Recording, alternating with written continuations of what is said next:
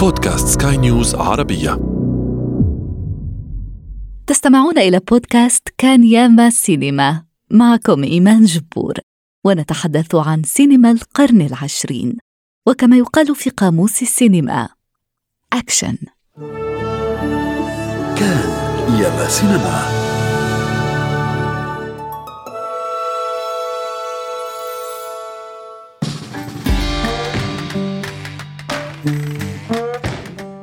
فيلم يعلمنا ألا نتخلى عن أحلامنا أبدا ألا نشرس متفرجين على الحياة وعندما تسنح لنا الفرصة نغتنمها يصعب تصنيف هذا الفيلم في خانة معينة لكنه حتما فيلم ملحمي Oh, Louise. Uh-huh. Will you take care of this gun? What in hell did you bring that for? Oh, come on. Psycho killers, bears, or snakes? I just don't know how to use it. Will you take care of it? you put it away. Just here, put it in my purse. ثيلما and لويز. الصديقتان تجسدهما في الفيلم سوزان ساراندون وجينا ديفيس اللتين قدمتا في هذا الفيلم أفضل أداء تمثيلي لهما حتى ذلك الوقت. ثيلما ولويز شابتان من الطبقة العاملة من بلدة صغيرة في أركنساس إحداهن نادلة والأخرى ربة منزل تتعرض لسوء المعاملة من قبل زوجها.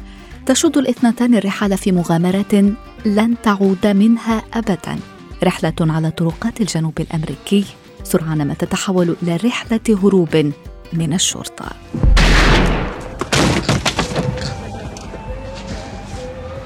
Oh, God. Oh, my God. Get the car. Oh, Jesus Christ. Louise, you shot him.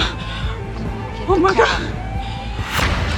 رجل حاول الاعتداء على ثيلما كان مصيره القتل على يد لويس وثيلما تقترف سطوا مسلحا على متجر فتصبح الاثنتان خارجتين عن القانون تتولى الأحداث وصولا إلى ذلك المشهد الختامي حين تحاصرهما الشرطة في جراند كانيون لكن بدلا من الاستسلام تقفز الصديقتان بسيارتهما من فوق المنحدر Okay, then listen. Let's not get caught. What are you talking about? Go.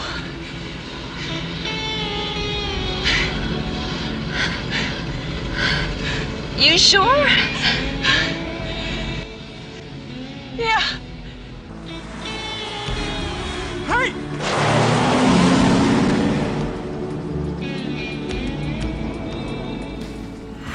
منذ صدوره وإلى غاية اليوم يعد فيلم المخرج الأمريكي ريدلي سكوت من أوائل الإنتاجات الهوليوودية التي كرست للمرأة وإنصاف وضع المرأة في المجتمع وهو الذي سبق حركة ميتو في الوجود بنحو ثلاثة عقود.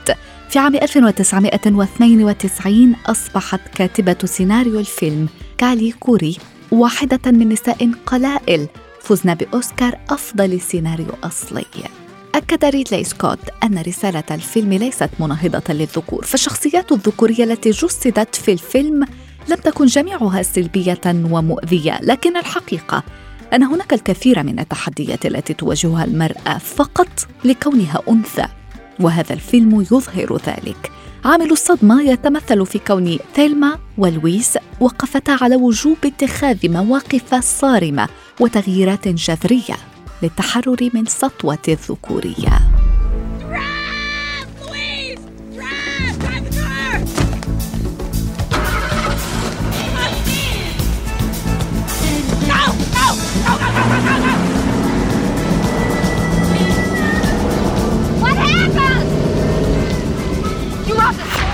ومع ذلك لا يخلو الفيلم من المواقف المرحة التي يستمتع بها النساء والرجال ونحن نشاهده تحضرنا الرغبة بدورنا بالسفر مثل لويز وثيلما في سيارة الفورد ثاندربيرد الأيقونية مفتوحة السقف وسط المناظر الطبيعية الخلابة.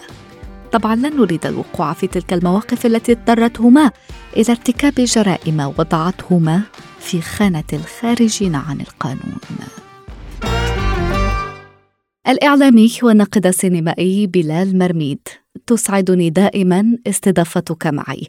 أفلام ال road trip أو الرحلات على الطريق إن جازت الترجمة هناك ربما المئات من الأفلام من هذا النوع بلال مرميد لكن road trip بطلتاه امرأتان صديقتان تشيران مسدسا في وجه تجبر الذكورية لم تشهد هوليوود إلى ذلك الحين أمرا مماثلا ربما أمر آخر قطع بدوره مع ما كان سائدا ربما هو نهاية القصة. لا happy ending هنا مزج في الأنماط السينمائية. أداء مبهر من سوزان سارندون وجينا ديفيس.